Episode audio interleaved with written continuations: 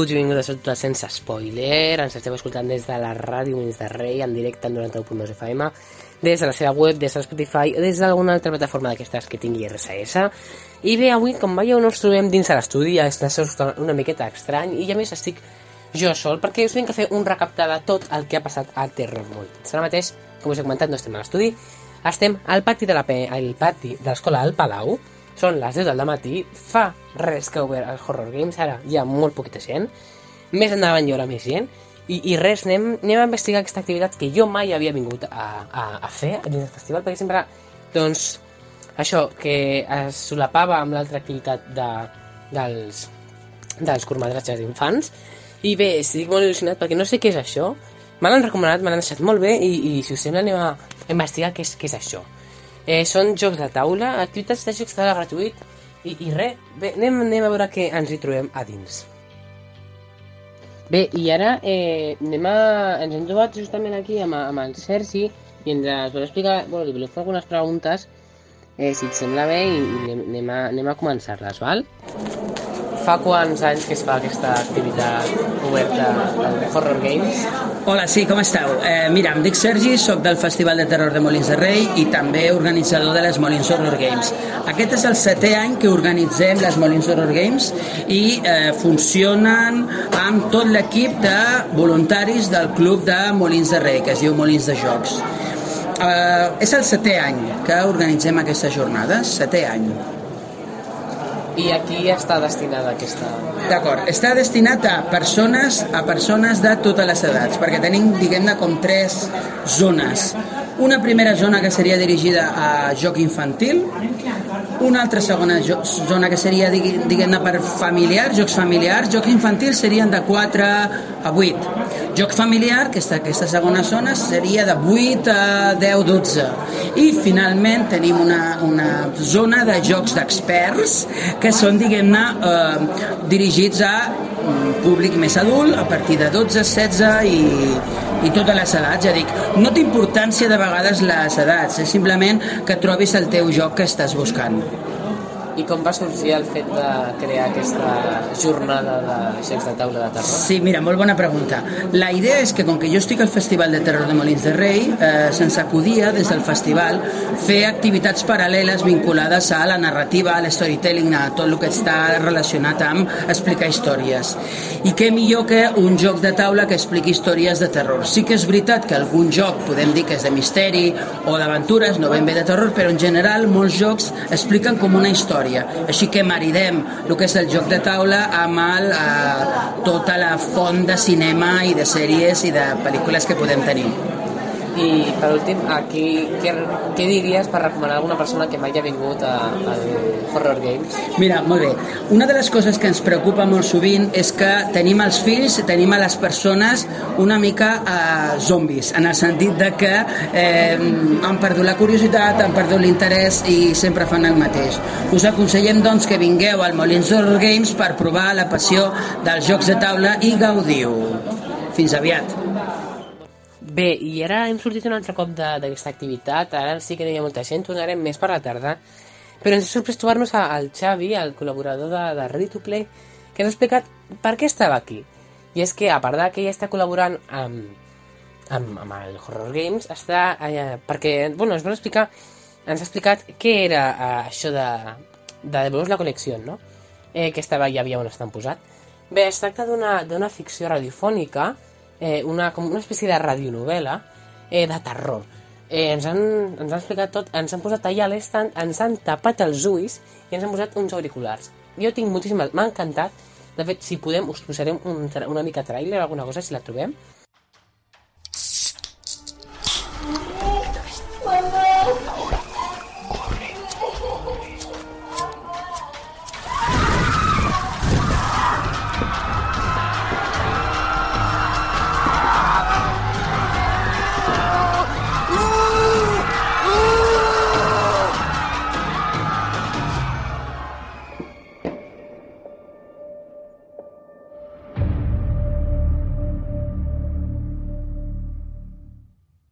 I, i ha sigut espectacular. A mi m'ha encantat.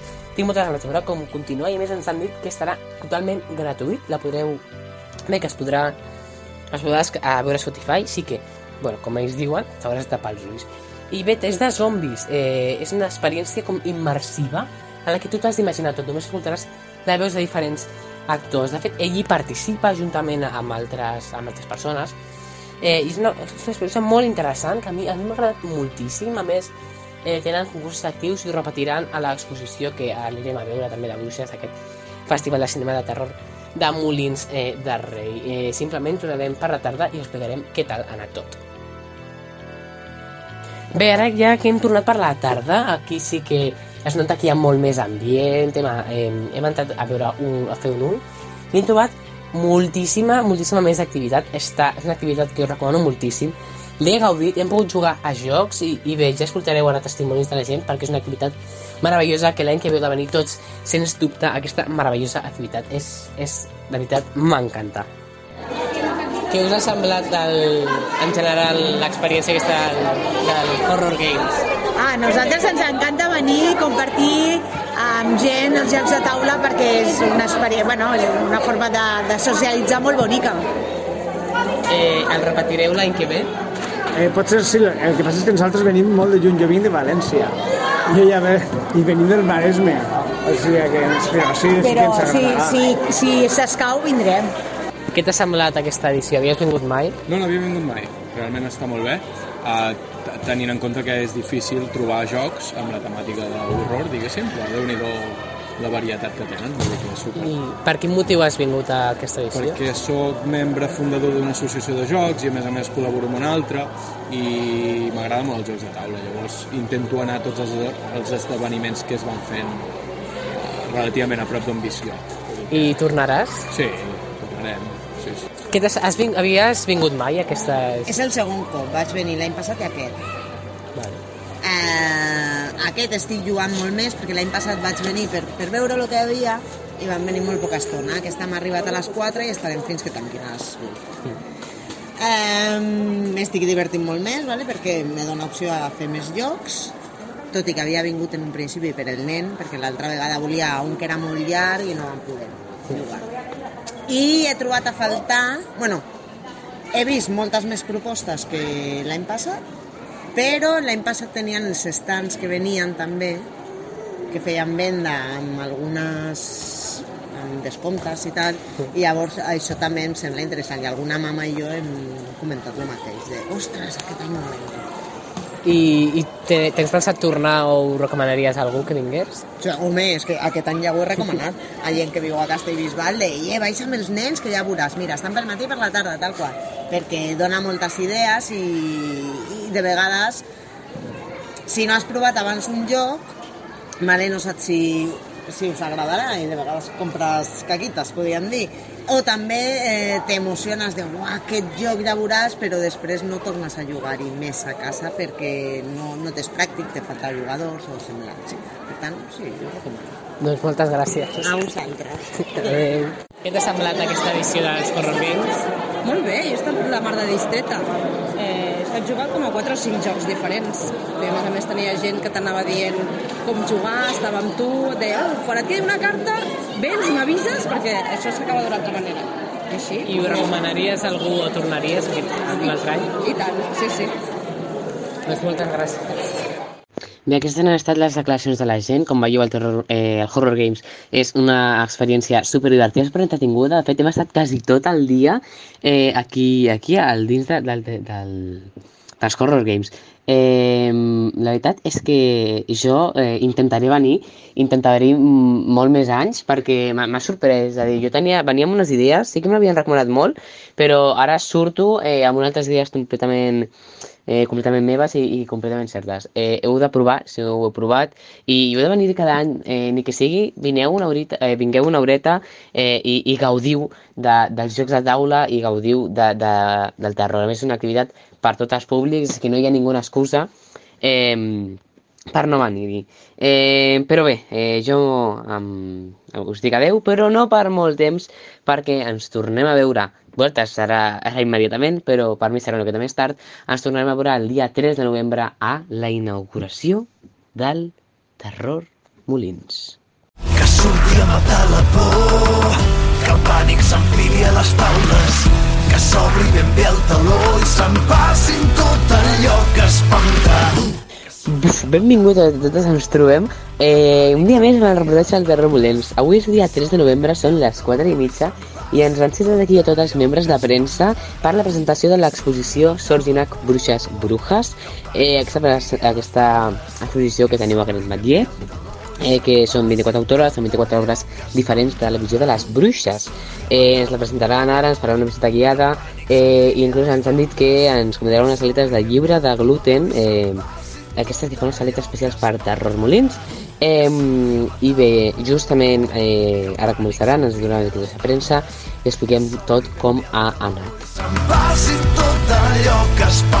Bé, la veritat és que a mi m'ha agradat molt l'exposició. No ens hem pogut quedar a la visita guiada perquè just ara a les 5 tenim el passi de premsa de la mesita del comedor amb el Calle Casas que, i el seu equip que ens presentaran aquesta pel·lícula que la veritat, eh, a veure com és perquè jo vinc amb unes idees i espero que no me les destrossin Eh, però és una exposició molt bonica, de fet, és que heu, heu d'anar-hi, de fet, ens han dit i tota la presentació que volen eh, moure-la perquè és una exposició que té doncs, doncs molt de contingut, eh, ha vingut l'Ajuntament, el Xavi Paz i, i, i més gent a presentar-la, inclús la gent del festival, eh, i de veritat ha estat molt entretinguda, eh, molt bonica i hem pogut conèixer una miqueta a la gent de premsa, a la gent del festival i, una mica tot el que es, bueno, el que es vindran aquests propers dies i que estarem aquí per cobrir juntament amb vosaltres.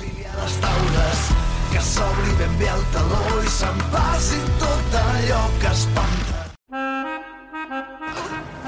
i les aseguro que esta mesa, por diseño y por su nivel, les va a cambiar la vida a mejor.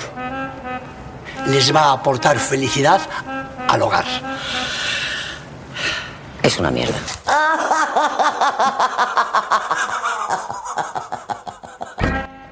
Què dir de la visita del comedor? Eh, pel·lícula m'ha estat flipant. Crec que era la millor pel·lícula per obrir el festival i a més haver pogut tenir aquest Q&A amb el Calle Casas que hem pogut tenir eh, ha estat flipant eh, però, bueno, ja tindrem un Q&A més personalitzat. Jo us l'ensenyaré més endavant. Eh, però sí, m'he quedat, quedat de xoc és a dir, heu de veure la pel·lícula, sigui com sigui és la pel·lícula eh, catalana més premiada de, de l'any. I, i l'heu d'anar a veure. L'heu de veure perquè és una idea super retorcida super del Calle Casas i, i, i que de veritat té, si reflexioneu podeu veure coses que no us havíeu imaginat eh, ni que heu vist la, és una pel·lícula que jo agrairia poder veure més vegades i espero que sí, pugui ser-ho. De fet, ara anem a parlar amb el Calle Casas i que ens expliqui una miqueta més sobre ell i sobre la pel·lícula. Eh, et volia preguntar que com vas començar i per què en el món del cinema?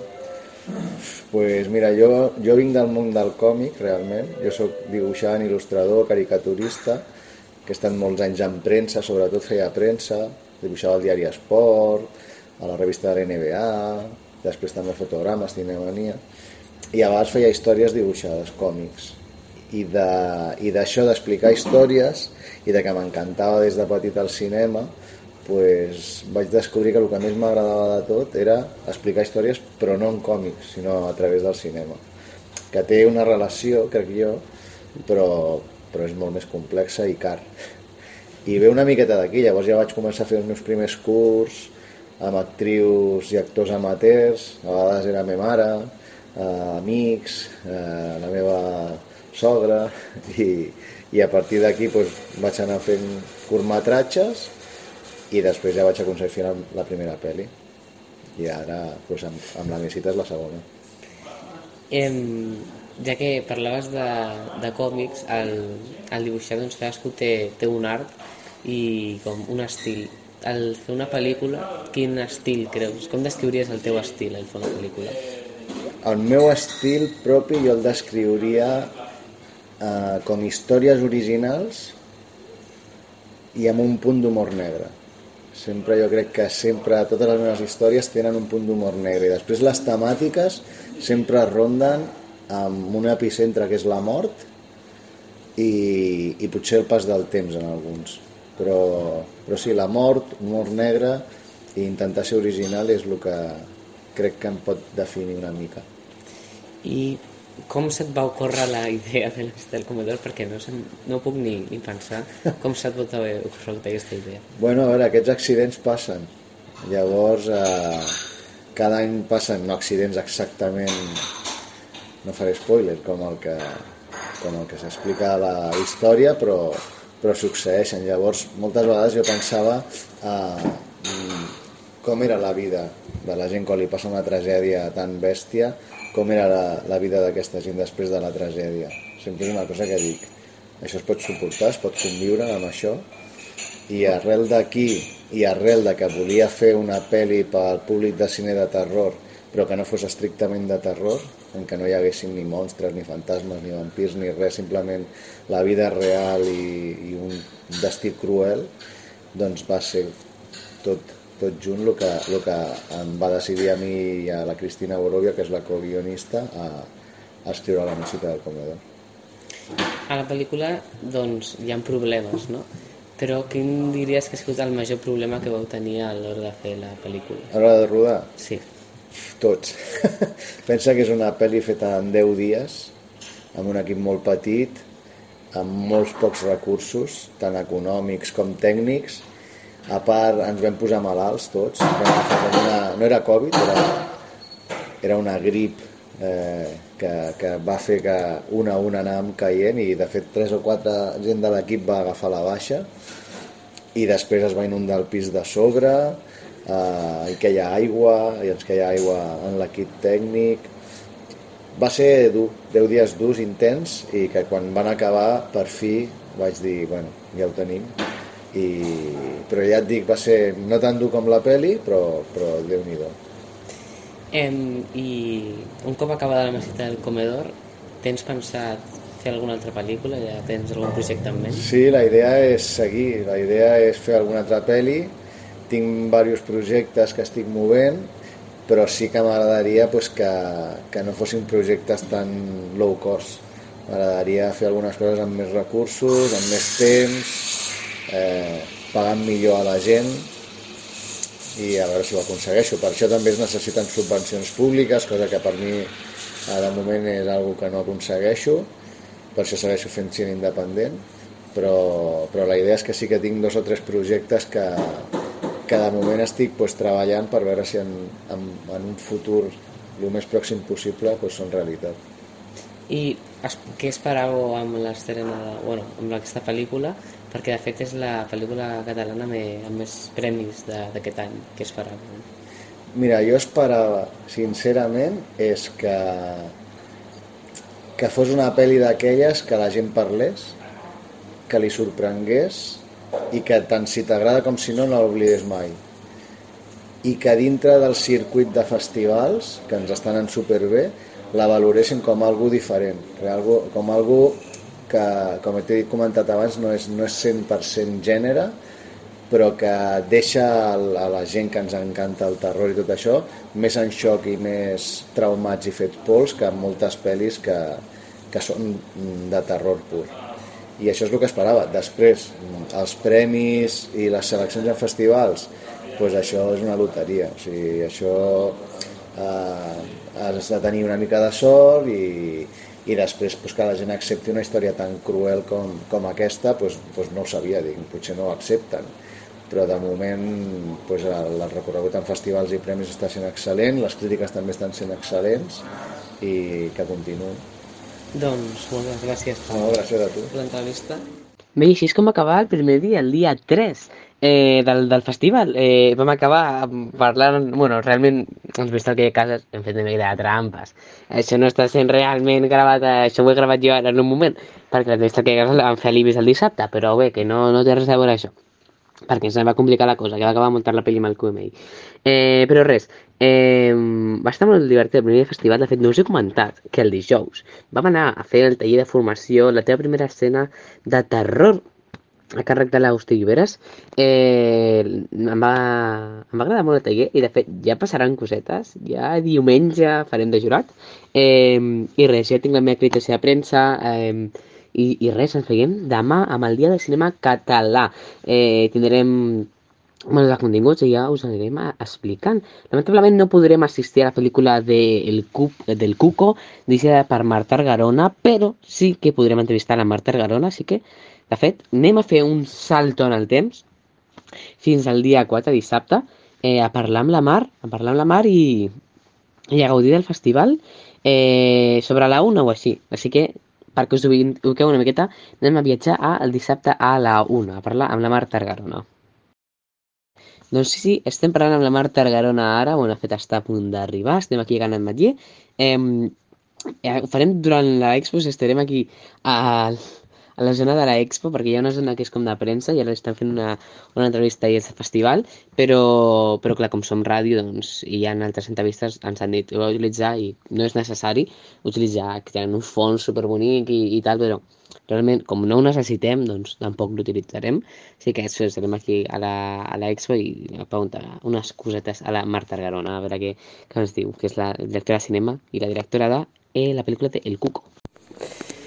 Bueno, em, com i per què vas començar en el món del cinema, tu, Mar? Jo vaig començar en el món del cinema perquè volia fer cine des de que era molt petita.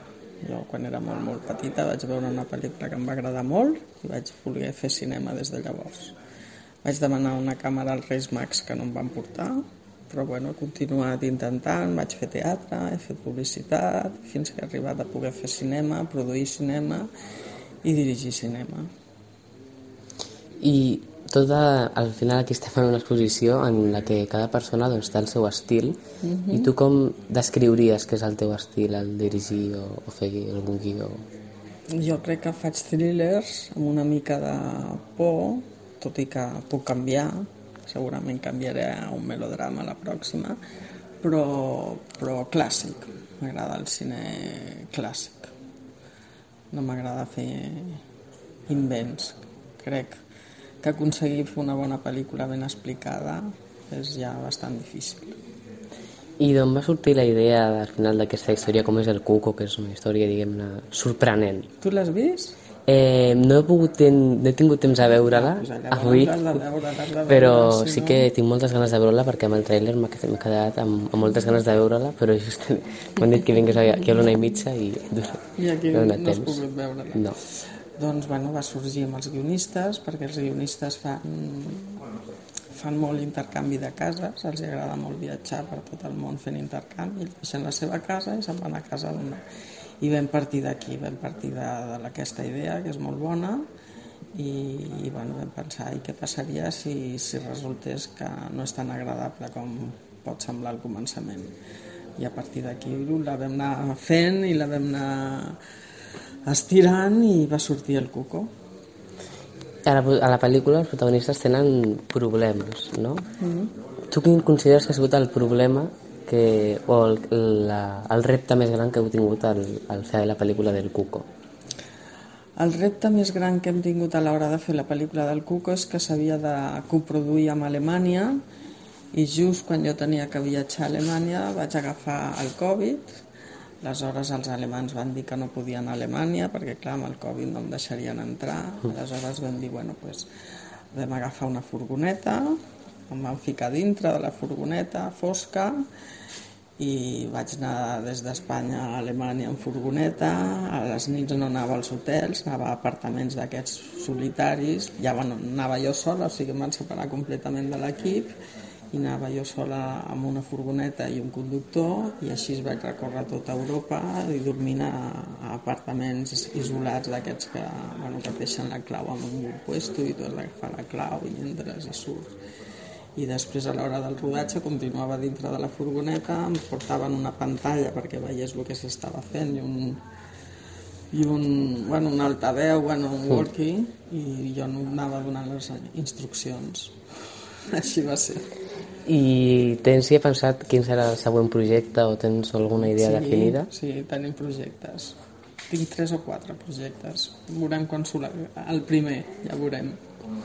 I per últim, consideres que en algun moment la indústria del cinema ha sigut masclista o se t'ha menyspreat per, per algun tema? Bueno, el món sempre ha sigut masclista, encara, encara és una mica masclista, cada vegada menys, però bueno, ho anem equilibrant. No crec que hi hagi masses problemes. Hem de continuar. Doncs, doncs, doncs, sí, això és de l'entrevista a la Marta Argarona, eh, ha estat un plaer, i és que hem de marxar tots corrents, literalment tots, eh, bueno, perquè realment Bueno, ja us he explicat, no? Crec que ja us vaig explicar, o no. Bueno, ja us explicaré, si no. Que eh, l'entrevista ha sigut a la 1 amb la Mar, però a les 4 hem tingut el que de cases, que segurament us les he posat més endavant, no? Eh, però sí, què passa? Que ara hem d'anar eh, corrents, pràcticament, al, a la pedreta de la Penny perquè són els curts de trencada i l'entrega de premis i, i no ens volem perdre eh, cap curt, eh, però, però anem-hi, perquè també és el primer cop que vaig a... Bueno, aquest és el primer cop que vaig a una sessió simple del festival.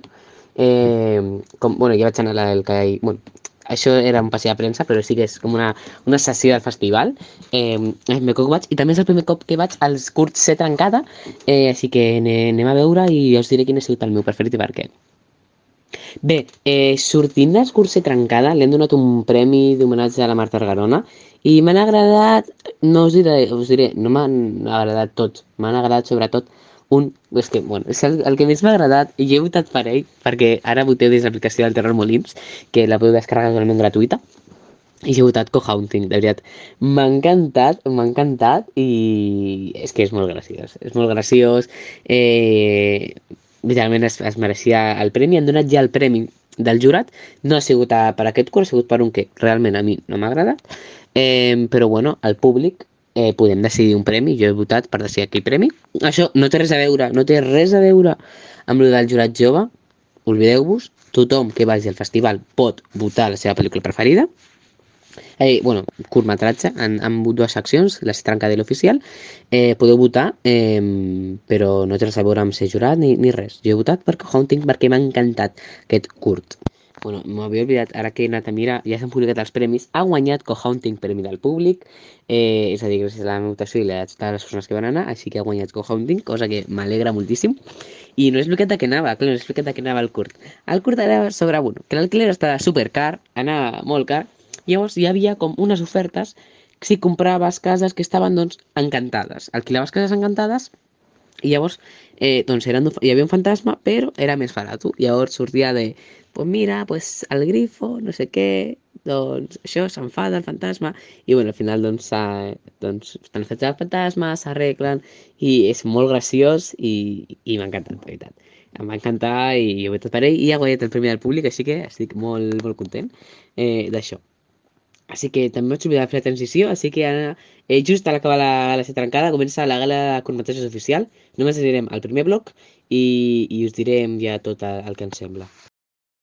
Eh, vale, hem sortit dels curtmetratges. Us haig de ser sincer, no m'ha agradat criticar, però no m'ha agradat la majoria de curts. Se m'ha fet molt llarg. Al, al contrari que l'any passat era com molt més entretingut. Potser també és que eren tres blocs i aquest any ha sigut només dos. Però no sé, i els curts que menys m'han agradat eren els més llargs, saps? Era com, això, que se feia molt llarg, tal, tal, tal. Si t'hagués de dir un curt que m'ha agradat molt, ha estat el de eh, No hables con extraños. Eh, sí, jo diria que aquell, o si no el... No recordo el nom, però el de... El del bebè. Eh, eh, perquè són tots una paranoia. O inclús el del bullying també, que és una mica paranoia. Però anem a preguntar-li a la gent que està aquí al Terremolins què els sembla a ells, què opinen i, i que i diguin una miqueta la seva. Eh, quin ha sigut el curtmetratge del primer bloc que més t'ha agradat i, i per què? Sugar Rack he trobat com molt interessant la, no, la, la visió del, del germà quan li neix un, un nou... Bueno, quan li neix el, el seu nou germà, llavors la seva visió de, de veure el nen petit en, en gran i tot el que li va tot el que va succeint amb els pares i bueno, trobar com una paranoia brutal i no sé, interessant.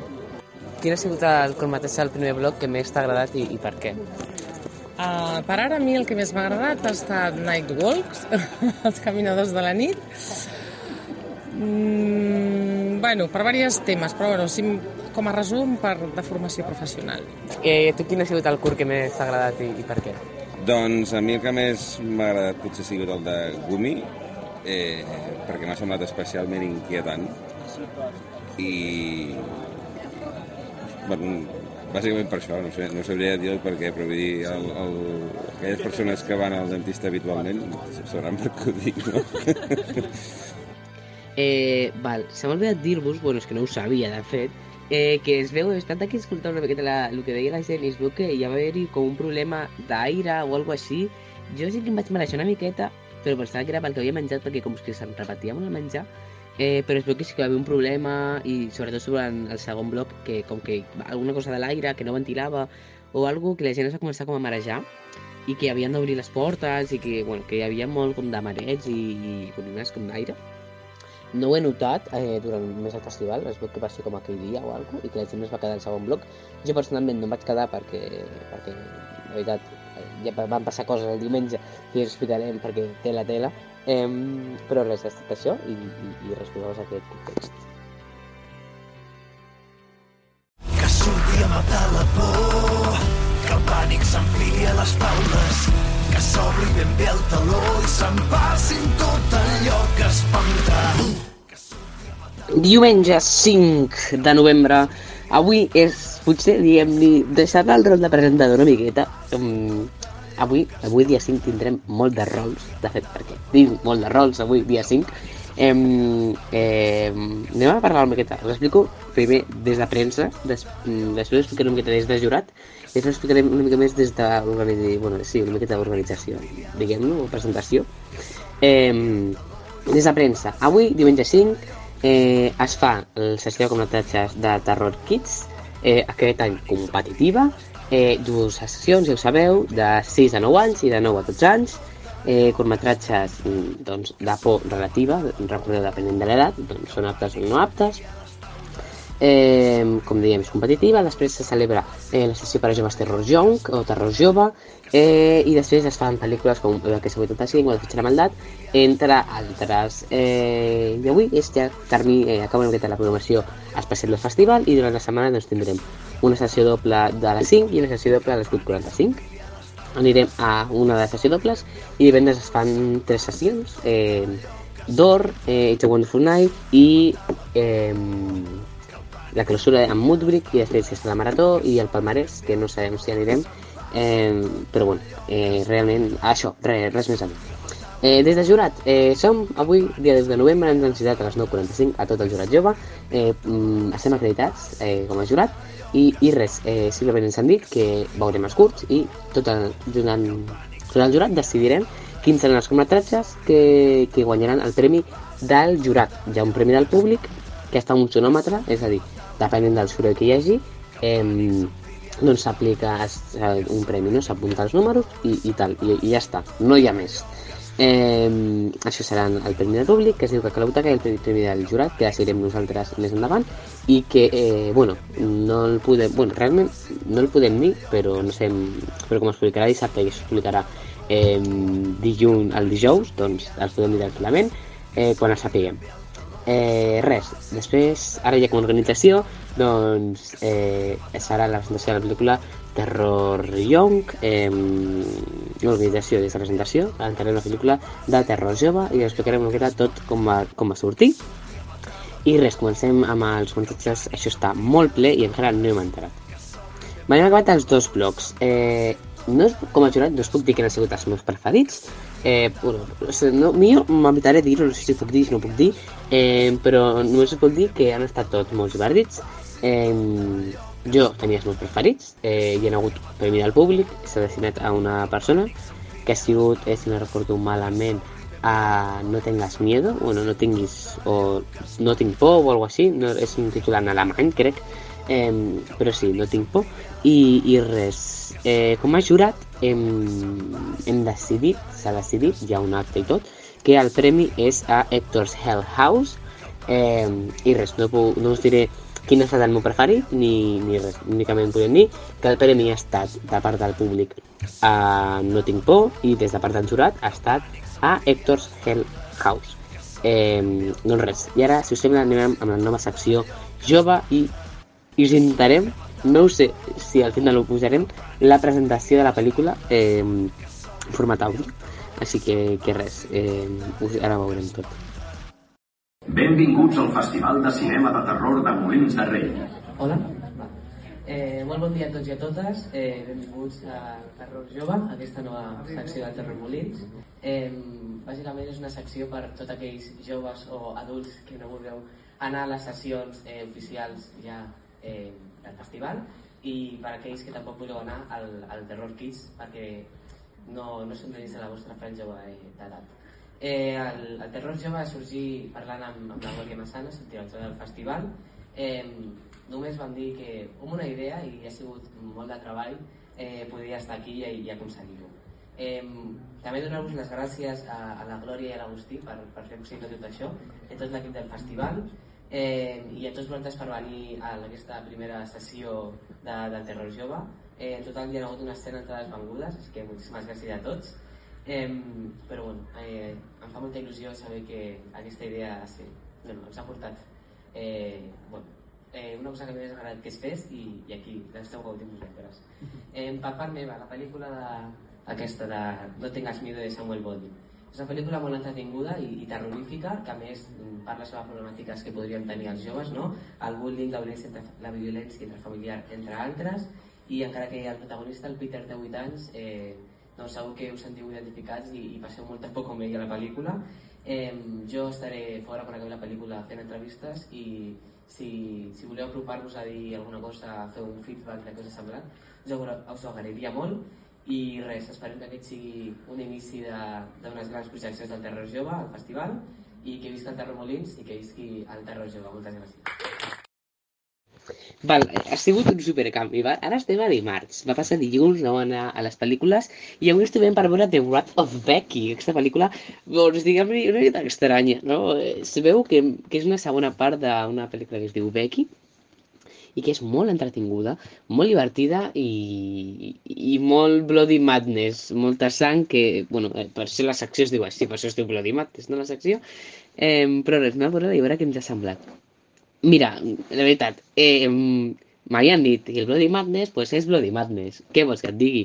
Eh, eh, és molt de Bloody, molta sang. Eh, un argument, doncs, estrany, divertit. Digueu-li com vulgueu. Però, però, però molt, no sé, molt, molt, molt Bloody Madness. I ara ja entenc aquesta secció, ja entenc el que vinc a veure. Eh, per altres anys. Però, però res, eh, com ho vam comentar, vam veure un curt i un dels que més em va agradar va ser el de No tengas miedo. Així que, eh, gràcies al Tariq i la premsa, hem aconseguit fer-li una entrevista a Gerard Matger just ara a l'acabar la pel·lícula de la Becky. Així que anem a parlar amb ell, amb el, amb l'Imanol Ortiz, i que el director d'aquest curt, i que ens expliqui eh, una mica d'ell, la seva història i de tot. Vale, disclaimer, una coseta, no sé si sabeu, bueno, com no tenim micros de la ràdio fora, sé que crec que els podem demanar, però no els hem demanat, val? Eh, L'entrevista, eh, potser al principi eh, s'escolta doncs com un soroll així com... Eh, perdonem les molèsties, eh, és el que hi ha, però tranquil, que quan comença a respondre a l'Imanol es treu. Eh, està en castellà, a l'entrevista, per, perquè no parla català, l'Imanol, eh, i perquè, bueno, s'ha fet així, així que res que explico això. Bueno, primero eh, deciros que me gustó mucho vuestro corto. Fue el último y yo tenía, yo tenía ganas de, de verlo, la verdad. Eh, y me pareció una idea muy, muy original. Y para nada me esperase que, me esperaba que fuese así. O sea, tenía una idea completamente diferente de lo que finalmente fue. Y me sorprendió muy, muy para bien. ¿Y qué, qué idea tenías? ¿Cómo te esperabas? Que, que fuese, o sea, por curiosidad. ¿Sabes Pues- a tener más comedia o, o No, comedia? Me, me esperaba que fuese algo así por el estilo, ¿no? Em, pero no que es como la narrativa era como muy sin sentimientos, de, la niña como que no era consciente y no me lo esperaba tan, tan así, tan, tan, tan duro. Sí, sí, es un puñetazo de, de- corto, muy breve. Lo, lo comenté antes en la entrevista, estaba muy calculado el, el uso de, bueno, el no uso de la música en concreto, solo usarla en la presentación y en el epílogo, con los créditos, que la cámara no se moviera, que estuviese siempre la cámara fija, el usar tonos grises, todo muy apagado, muy ceniza, ¿no? Para eh, una alegoría como de la mortandad, ¿no? Porque realmente al final lo que está contando, y vamos a hacer spoilers, este es el programa adecuado, ¿no? Ese fantasma de la niña que está en el interregno que no es consciente de su tránsito a la muerte y está contando desde su perspectiva infantil eh, algo enormemente luctuoso. Es decir, es una subvertir con los cuentos de Disney y esto todo viene de la mente perversa pero enormemente talentosa de Fernando Iwasaki. Yo soy el adaptador, he añadido cosas, pero el origen es de, de sus relatos de Ajuar Funerario. Y una pregunta más específica para ti, y es ¿cómo y por qué entraste en el mundo de- del cine? Eh, más en el tema de dirección. Bueno, jo, yo creo que antes, francamente probé como varias cosas. A mí me gustaba la música en su momento, tuve un grupillo de música, tocaba la guitarra y cantaba, pero no lo suficiente bien, ninguna de las cosas. En realidad nada, hago, nada lo hago suficientemente bien, pero con esto, que al parecer tampoco, porque bueno, aunque sí he hecho cosas, estoy, estoy todavía eh, engañando. Eh, después escribí, intenté cosas con la literatura, y lo que descubrí en el cine, que seguro que te pasa a ti, le pasa a los, a los radio oyentes, es que es una especie como de compendio. Tienes fotografía, tienes música, tienes literatura, eh, tienes diseño de, vestuario, de moda. Entonces me parecía que era como, para mí es el arte definitivo, lo tiene todo, y, pero a la vez necesitas tener muchísimos conocimientos que los puedes adquirir. Y es muy interesante en las escuelas de cine o en, este- en mi caso que prácticamente he sido autodidacta em, eh, arruinándote y haciendo trabajo tras trabajo. Y dirigir es por contar historias porque tengas el, el- ese, ese impulso de, de contar una historia. No tanto que dirigir suena a eso de dirección es enormemente duro es muy bonito, es muy gratificante. Re- Recuerdo escucharle a Paco Plaza decir que no es un tema de complejo de Dios, porque de repente cuando has escrito algo, te lo has imaginado ya un momento que estás en el monitor y ves que eso está pasando y que el actor está diciendo lo que tú has escrito y que ha- han puesto la mesa como la han puesto y las cortinas y todo, es solamente por esos segundos que además dices, lo estamos grabando, eh, ya merece la pena. Tarantino decía, dice, Tarantino suele dirigir a los actores, eh, nunca se pone detrás de la cámara, se pone delante. Dice, porque cuando los actores, yo digo acción, están actuando lo primero para mí. Entonces dice, yo me pongo delante, ellos me están dando todo, yo les tengo que dar también todo, tiene que haber una relación, tenemos que intercambiarnos energía. Dice, ¿para qué me voy a poner si ya sé que va a estar grabando? Ya lo veré. O ya me dirá el director de fotografía que pasa algo. Dice, no, yo tengo que estar con ellos. Entonces, son como dos perspectivas que me parecen muy interesantes. Y ahora lo, comentábamos, eh, ¿cómo nació esta productora de, de Orlok Films? Bueno, a base de seguir empeñándose de hacer cosas y de crear un, pequeña, una pequeña herramienta, un juguete que condensara o que nos diese la posibilidad de profesionalizarnos aún más. Está bien cuando de repente haces un corto y en los cortos además suele ser guionista, productor, director, pero queda como muy apabullante. Lo eres ¿eh? muchas veces porque en un corto un roto y un descosido. Pero una productora como que te da un empaque y no solamente eso, luego a nivel legal o de acceso de subvenciones o de poder coproducir con otros compañeros, pues es la herramienta definitiva. Con todo lo que ello conlleva, es una empresa, al fin y al cabo. Antes una empresa. Y ha sido un tránsito, yo llevo haciendo cortos desde hace muchos años, eh, pero siempre me ha gustado el terror, siempre. Y lo que fui fue desviándome poco a poco, fui haciendo un, un thriller, después otro un pequeño corto de terror, pues hasta que pues con este último que es por ejemplo terror definitivo, porque estamos intentando levantar un par de películas que son de terror y hacía falta que no solamente hayas hecho cortos, sino que sean cortos de género. Mira, los dos últimos años eh, yo he hecho algo parecido. Hmm. Y ahora hablando más sobre el corto, ¿habéis tenido algún problema o cuál ha sido la mayor dificultad que habéis encontrado a la hora de, crear este, este corto? Creo que lo que te va a decir todos los directores es la financiación. O sea, el cine es enormemente caro, es uno de los artes más burgueses que hay, y es la financiación. El resto es. El, el guion es lo más difícil, pero es lo más barato. Tener talento o no, trabajar mucho o no. Pero no creo que, además, los cortos, en los cortos puedes tener la mayor libertad del mundo. Si no la tienes en los cortos y no haces lo que quieres, estás muerto. Ahora, creo que aquí en la sala al lado tenemos a, a Javi, que me gustan mucho sus películas, desde la de tres días, y creo que es un tipo también que tiene como mucha libertad creativa y creo que conozco algo del proceso de su última película porque conozco a su protagonista.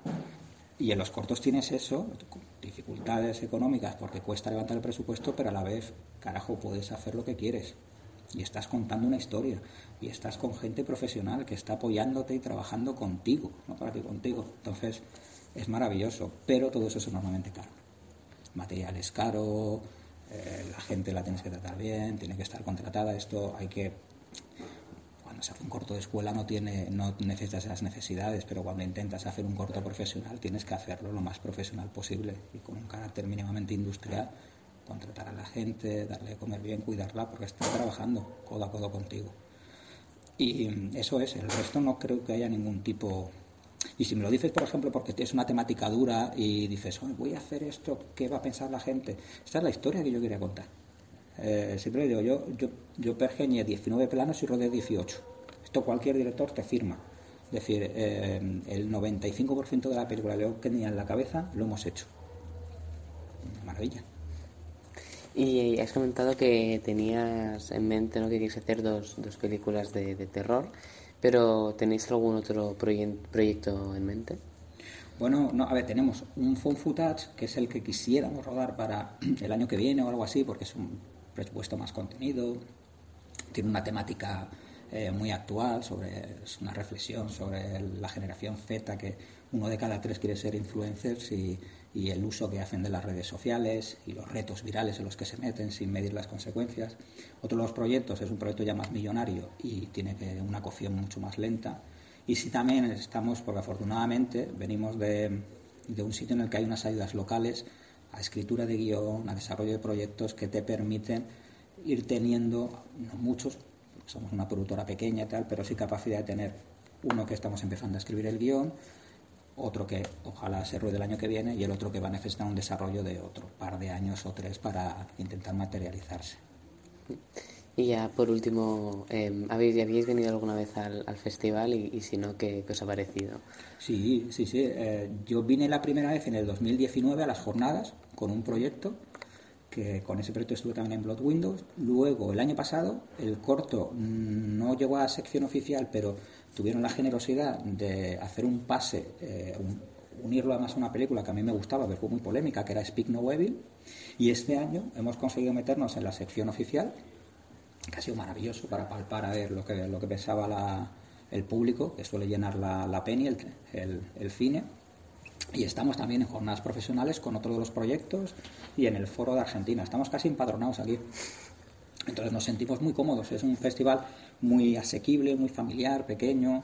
Eh, sabes dónde está la sede, sabes moverte por el pueblo, empiezas a conocer a, a los programadores. Y es, eh, es, una, es una delicia. Pues muchas gracias por, por la entrevista. Y seguir haciendo cine y programas de cine.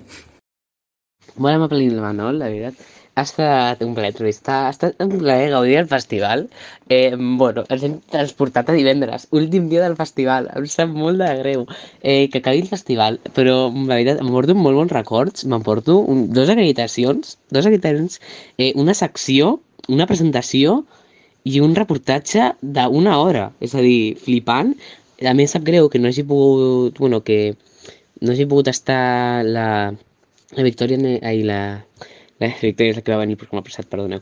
La Isabel ni la Berta eh, en aquest programa, però ha estat molt difícil eh, poder quadrar una persona per que puguem estar tenir tot aquest programa, ha estat difícil quadrar-ho entre nosaltres qui pot anar, inclús quadrar-ho jo intentar anar, així que era quasi impossible que anéssim tots. Però sí que l'any passat vam anar, vam anar eh, la Isabel i jo, eh, més gent, però la Berta no, però sabrem l'any que ve que podem anar totes al programa i, i a gaudir-ho.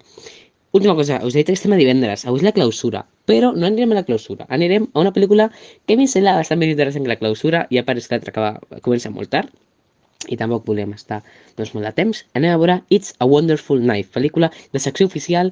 Eh, ens han dit que amb molt de pressupost, amb molts d'actors i amb una molt bona història. Una molt bona idea d'acabar eh, el festival. Eh, res a dir, aquí acaba el nostre programa.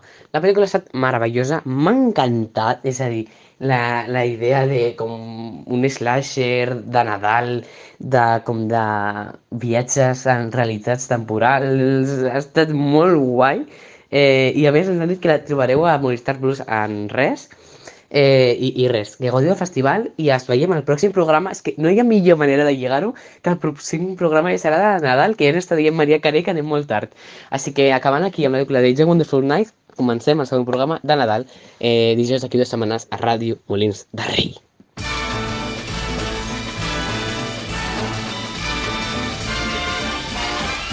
It's the most wonderful time of the year. With the kids jingle belling and everyone telling you be of good cheer. It's the most wonderful time of the year. It's the hap- happiest season of all. With those holiday greetings and gay happy meetings when friends come to call. It's the happiest season.